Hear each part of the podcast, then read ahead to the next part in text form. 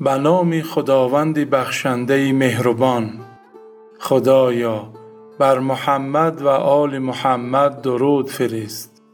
سلام برادر و خواهر مسلمانم. فرارسیدن ماه شریف رمضان ماه مهمانی خدای سبحان بهار قرآن و نشاط اهل ایمان و پر از خیر و برکت و احسان را به شما و همه مسلمانان جهان بخصوص مردم مظلوم و مسلمان تاجیکستان و همه تاجیکان جهان تبریک و تهنیت می‌گوییم.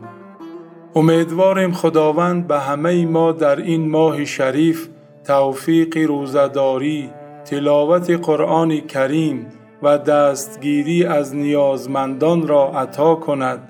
و گناهان ما را به برکت شب قدر این ماه بزرگ ببخشد و بهترین سرنوشت را برای ما نصیب گرداند. یادمان نرود که امسال هم برادران و خواهران مؤمن و مسلمان و مظلوم ما در زندان و غربت و هجرت و سختی گرفتارند.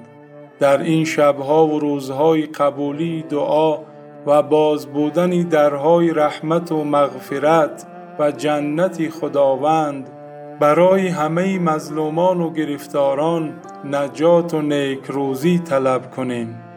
امسال مسلمانان در شرایط ماه رمضان را پیشواز می گیرند که علاوه بر ویروس منحوس کرونا در اثر جنگ و درگیری های مرزی منطقه‌ای و جهانی فضای ناامنی و شرایط دشوار اقتصادی دامنگیرشان شده است. برای همه بیماران شفای کامل و برای همگان سلامت و سعادت خواهانیم.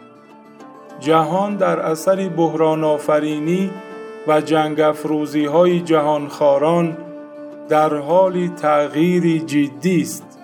از خداوند می خواهیم که شر اشرار و جنایتکار و نامردان روزگار را به خودشان برگرداند و مسلمانان و مظلومان را از چنگال دیوسیرتان برهاند و با طلوع خورشید عدالت گستر مردم رنج دیده را به صبح سعادت برساند مژده زنده دیلان ماه خدا آمده است. ماه تسبیح و تعالی و دعا آمده است. ماه دلدادگی بنده به معبود رسید. بر سری سفره شاهانه گدا آمده است. انتظار می رود همه مؤمنان و مسلمانان مهمان ماه زیافت خداوند.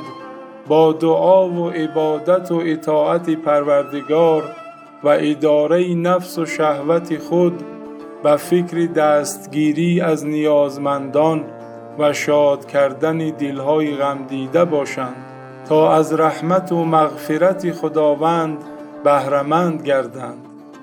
از ظلم کردن و یاری به ظالم به خدا پناه می‌بریم و نجات همه مظلومان را طلب می نماییم خدایا همه برادران و خواهران مؤمن و مسلمان ما را بیامرز. و گذشتگان و حقدارانی به گردن ما را رحمت و مغفرت کن. امیدواریم به برکت ماه شریف رمضان برادران و خواهران گرامی همدیگر را با بزرگواری ببخشند و برای سلامت و سعادت همدیگر دعاگو باشیم. یا رب همه کس را به مقصد برسان. باشد که در آن میانه ما هم باشیم. و السلام علیکم التماس دعا خدا نگهدارتان.